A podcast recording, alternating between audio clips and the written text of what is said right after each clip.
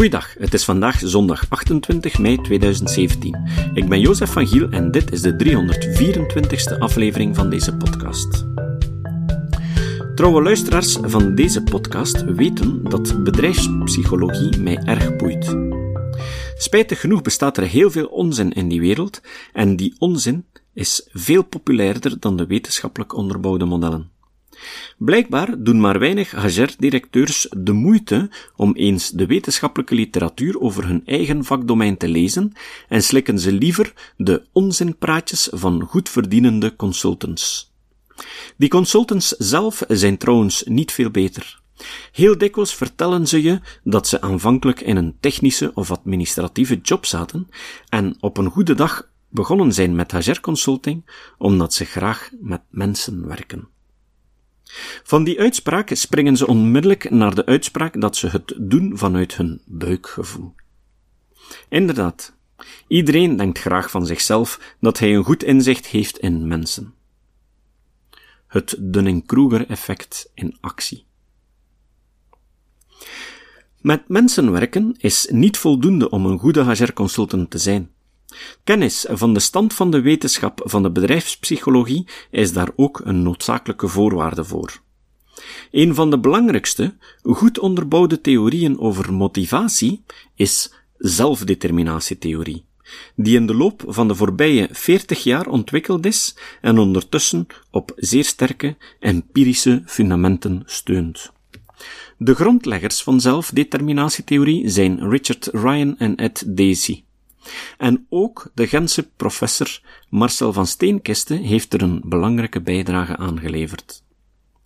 Ik ben dan ook al lang van plan om eens een tekst te schrijven over deze theorie, maar bleef het altijd maar uitstellen door tijdsgebrek. Maar onlangs schreef Gwenda Schlund-Boudin een zeer helder en overzichtelijk artikel op LinkedIn. Gwenda is psycholoog en samen met Kurt Visser beheert Gwenda het bedrijf Noam, dat mensen opleidt in progressiegerichte methoden voor coaching, leidinggeven, werken in groepen en zo verder. Hun methode is gebaseerd op wetenschappelijke theorieën en één daarvan is de zelfdeterminatietheorie.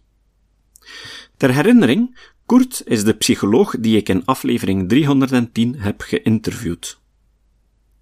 Ik heb dus Gwenda gemaild met de vraag of ik haar tekst mocht inspreken. Hier komt het. Zelfdeterminatietheorie in vogelvlucht. De zelfdeterminatietheorie is een theorie over motivatie en menselijk welbevinden. Ed Dacey en Richard Ryan stonden aan de wieg van dit onderzoeksdomein en anno 2016 zijn er daarbinnen honderden en honderden studies gedaan. Kwaliteit in plaats van kwantiteit. De theorie stelt dat in plaats van te kijken naar de kwantiteit van motivatie, we moeten kijken naar de kwaliteit van motivatie. Het is de kwaliteit die bepalend is voor de uitkomsten, niet de kwantiteit. Grofweg bestaat het onderscheid tussen autonome motivatie en een gecontroleerde motivatie. Autonome motivatie betekent dat de persoon op het moment dat hij het gedrag uitvoert, er helemaal achter staat en het zelf wil dat kan zijn omdat hij de activiteiten interessant vindt, intrinsieke motivatie. Ofwel omdat hij de activiteit belangrijk en waardevol vindt, geïnternaliseerde extrinsieke motivatie. Gecontroleerde motivatie betekent dat de persoon het gedrag uitvoert omdat hij een straf wil ontlopen, een beloning wil krijgen of omdat hij zichzelf onder druk zet om het gedrag uit te voeren. Vaak worden de verschillende soorten kwaliteit van motivatie op een continuum afgebeeld. Dat loopt van amotivatie tot autonome intrinsieke motivatie. Gedragsregulatie. Bij elke kwaliteit van motivatie is de gedragsregulatie van de persoon anders. Hoe meer autonoom gemotiveerd, hoe meer de persoon zijn gedrag reguleert vanuit zichzelf. De persoon functioneert dan autonoom. Hij staat helemaal achter wat hij doet. Hoe meer gecontroleerd de motivatie, hoe meer de persoon zijn gedrag reguleert, zonder dat hij het echt zelf zo wil. Effecten van de kwaliteit van motivatie. De effecten van kwaliteit van motivatie zijn groot. En er is effect op het gevoel van de persoon als hij de activiteit uitvoert, de betrokkenheid waarmee hij aan de slag gaat, zijn doorzettingsvermogen bij tegenslag en de uiteindelijke resultaten die hij bereikt. Autonome motivatie gaat samen met betere resultaten, een beter gevoel, diepgaander leren, beter omgaan met tegenslag en met een betere fysieke en geestelijke gezondheid. Gecontroleerde motivatie gaat samen met slechtere geestelijke en fysieke gezondheid, depressie en stress. Slechtere resultaten, en zodra de druk wegvalt, valt de motivatie ook weg. Bronnen van hoge motivatiekwaliteit. Een hoge kwaliteit van motivatie ontstaat wanneer mensen de perceptie hebben dat de activiteit die ze uitvoeren betekenisvol is, wanneer ze zich autonoom voelen, wanneer ze ervaren dat ze competent zijn om de activiteit uit te voeren, en ze zich verbonden voelen met voor hen belangrijke andere mensen, terwijl ze met de activiteit bezig zijn.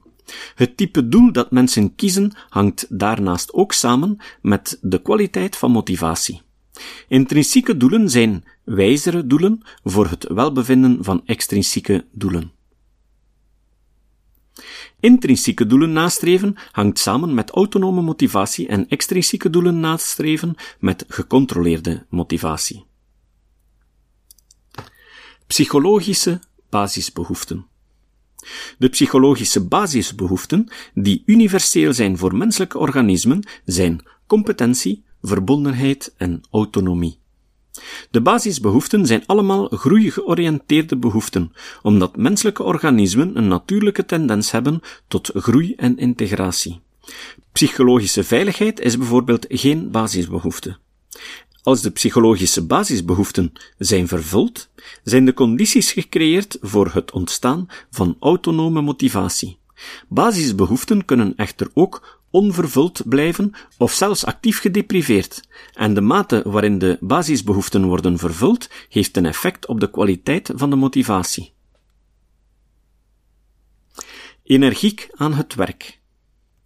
Met een lage kwaliteit van motivatie een activiteit verrichten kost energie. Diezelfde activiteit verrichten met een hoge kwaliteit aan motivatie levert energie op. Dus, als mensen doodmoe worden terwijl ze aan het werk zijn, dan zou het heel goed te maken kunnen hebben met een lage kwaliteit van motivatie voor dat werk. Dus, voor mensen en organisaties biedt het grote voordelen als autonoom gemotiveerd zijn voor hun werk.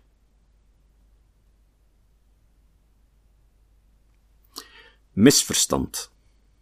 Veel mensen begrijpen de zelfdeterminatietheorie niet goed en een veelgemaakte fout is om te denken in termen van intrinsieke en extrinsieke motivatie, waarbij intrinsiek goed is en extrinsiek niet goed. Dan krijg je pleidooien voor het uitsluitend focussen op intrinsieke motivatie. Het belangrijke onderscheid zit hem echter niet in intrinsieke of extrinsieke motivatie, maar in autonome en gecontroleerde motivatie. In sommige situaties is geïnternaliseerde extrinsieke motivatie zelfs een betere voorspeller van goede performantie dan intrinsieke motivatie. Als mensen alleen maar zouden doen waarvoor ze intrinsiek gemotiveerd zijn, zou niemand belasting betalen. En zouden we allemaal, zelfs als we volwassen zijn, nog het eisje van onze broer of zus afpakken.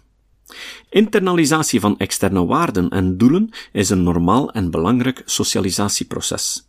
Dus, het is niet zinnig om ervoor te pleiten dat mensen alleen maar doen waarvoor ze intrinsiek gemotiveerd zijn. Wel nuttig is het, waar mogelijk, condities te creëren waarbinnen mensen autonoom gemotiveerd raken.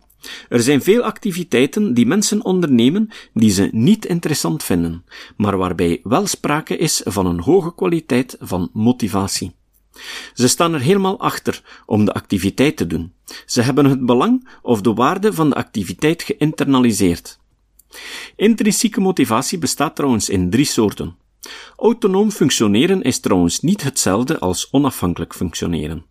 Je kunt volledig afhankelijk zijn en toch autonoom functioneren, namelijk als je er zelf achter staat dat je afhankelijk bent van de ander. Relevantie voor de praktijk van alle dag. De zelfdeterminatietheorie is relevant voor iedereen. Coaches kunnen de autonome motivatie van hun cliënten stimuleren door procesgericht te coachen. Progressiegerichte interventies zorgen voor de vervulling van de psychologische basisbehoeften van de ander. Ook fysiotherapeuten kunnen via autonomieondersteunende gespreksvoering betere resultaten bereiken. Managers die op een autonomieondersteunende manier leiding geven, worden meer gerespecteerd door hun medewerkers en bereiken betere resultaten in een betere sfeer. Ouders die autonoom ondersteunend opvoeden, krijgen kinderen die zich beter aanpassen aan de maatschappelijke normen en waarden, die opener zijn, het beter doen op school, zelf autonoom gaan functioneren en die een betere relatie hebben met hun ouders. Docenten die zelf autonoom gemotiveerd zijn en op een autonomie ondersteunende manier lesgeven, floreren zelf meer in hun werk en datzelfde geldt voor hun studenten. Opstandigheid van studenten heeft dan ook vaak te maken met de kwaliteit van hun motivatie en dat heeft weer te maken met de manier waarop ze behandeld worden. Als docenten zelf onder druk staan, geven ze die druk aan hun leerlingen. Ook als ze denken dat ze dat niet doen. Dat heeft een effect op de kwaliteit van de motivatie van de leerlingen, mede omdat motivatie besmettelijk is. Liefdespartners die de basisbehoeften van hun geliefde vervullen, hebben een betere relatie en hun partner voelt zich tevredener met de relatie. Vrienden die de autonomie van hun vriend of vriendin ondersteunen en respecteren, hebben een betere vriendschapsrelatie. Mensen die autonoom functioneren zijn gezonder, zowel geestelijk als fysiek, dan mensen die gecontroleerd functioneren. Kenmerken van de situatie. Kenmerken in een situatie beïnvloeden de kwaliteit van de motivatie van een persoon. De manier waarop je iemand tegemoet treedt, heeft een direct effect op diens motivatie. Autonomie ondersteunende uitingen zijn het geven van erkenning voor het perspectief van de ander, keuzemogelijkheden bieden, eigen initiatieven honoreren, duidelijke doelen aanreiken en een duidelijke onderbouwing geven waarom die doelen belangrijk zijn.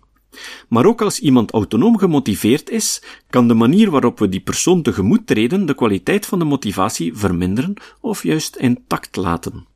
Tijdens deliberate practice bijvoorbeeld is het belangrijk om condities te creëren waarbinnen die autonome motivatie intact blijft. Autoritaire uitingen stimuleren gecontroleerde motivatie. Prestatiebeloning heeft ook een effect op de kwaliteit van motivatie. Autonome gedragsregulatie. Bij het ontwikkelen van gezonde eetpatronen is het mogelijk om de kwaliteit van motivatie te verhogen als iemand daarvoor niet autonoom gemotiveerd is. Daarnaast is het zo dat als mensen gedurende langere tijd op een bepaalde manier functioneren, ze een algemene tendens tot die manier van gedragsregulatie ontwikkelen. Vandaar dat je kunt zeggen dat sommige mensen in het algemeen autonomer functioneren dan anderen, en dat het misschien zo is dat sommige mensen meer behoefte hebben ontwikkeld aan autonomie dan anderen. Die autonome gedragsregulatie heeft impact op allerlei levensgebieden, zelfs bijvoorbeeld op het gebied van het herkennen van en bijstellen van je vooroordelen. De zelfdeterminatietheorie is een veelomvattend onderzoeksgebied waar enorm veel van te leren valt. Een solide onderzoeksterrein met praktische implicaties voor iedereen. Als je op de site van Gwenda en Kurt de zoektermen motivatie, basisbehoeften, doelen, zelfdeterminatie of DECI intypt, krijg je een overzicht van de artikelen die in de loop der jaren zijn verschenen over de zelfdeterminatietheorie. In deze tekst staan nog talloze verwijzingen naar artikelen waar dat je verder dieper kunt ingaan op de termen die besproken worden, of waar dat je ook het bewijsmateriaal kan vinden hiervan. Ik heb die natuurlijk overgeslagen, omdat dat niet goed lukt in een podcast. Maar een link naar het originele artikel vind je op de notitiepagina, en in dat originele artikel vind je al die links. Het citaat. Het citaat van vandaag komt van Wolfgang Amadeus Mozart. Mozart is waarschijnlijk mijn lievelingscomponist.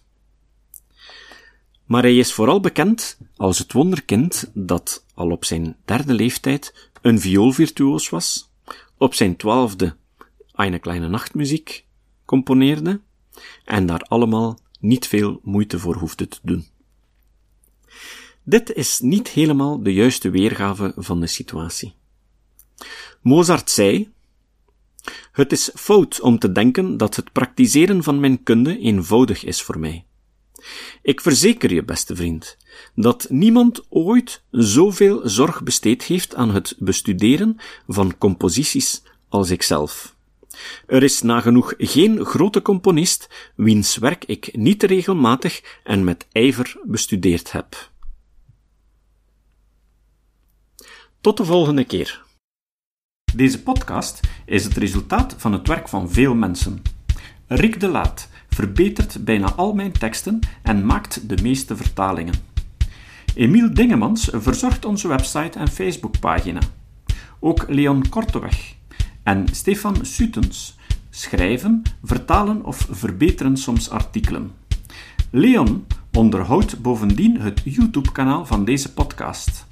De muziek van de intro en de trailer heeft Nick Lucassen geschreven en soms maken we ook gebruik van muziek van Ad van Nederpelt, die ons zijn prachtige composities ter beschikking stelt. Dit was de podcast Kritisch Denken. Vergeet niet om alles kritisch te behandelen, ook deze podcast. Voor verdere informatie over deze podcast, links en voor de tekst, surf naar www.kritischdenken.info. Als je deze podcast belangrijk vindt, kun je me steunen door anderen warm te maken ook eens te luisteren. Stuur een e-mail naar vrienden met een link naar de website en plaats de link in de handtekening van je e-mails. Tevens kun je op iTunes deze podcast een beoordeling geven of een recensie schrijven. Of je kan op je eigen website of blog een link naar kritisch denken plaatsen.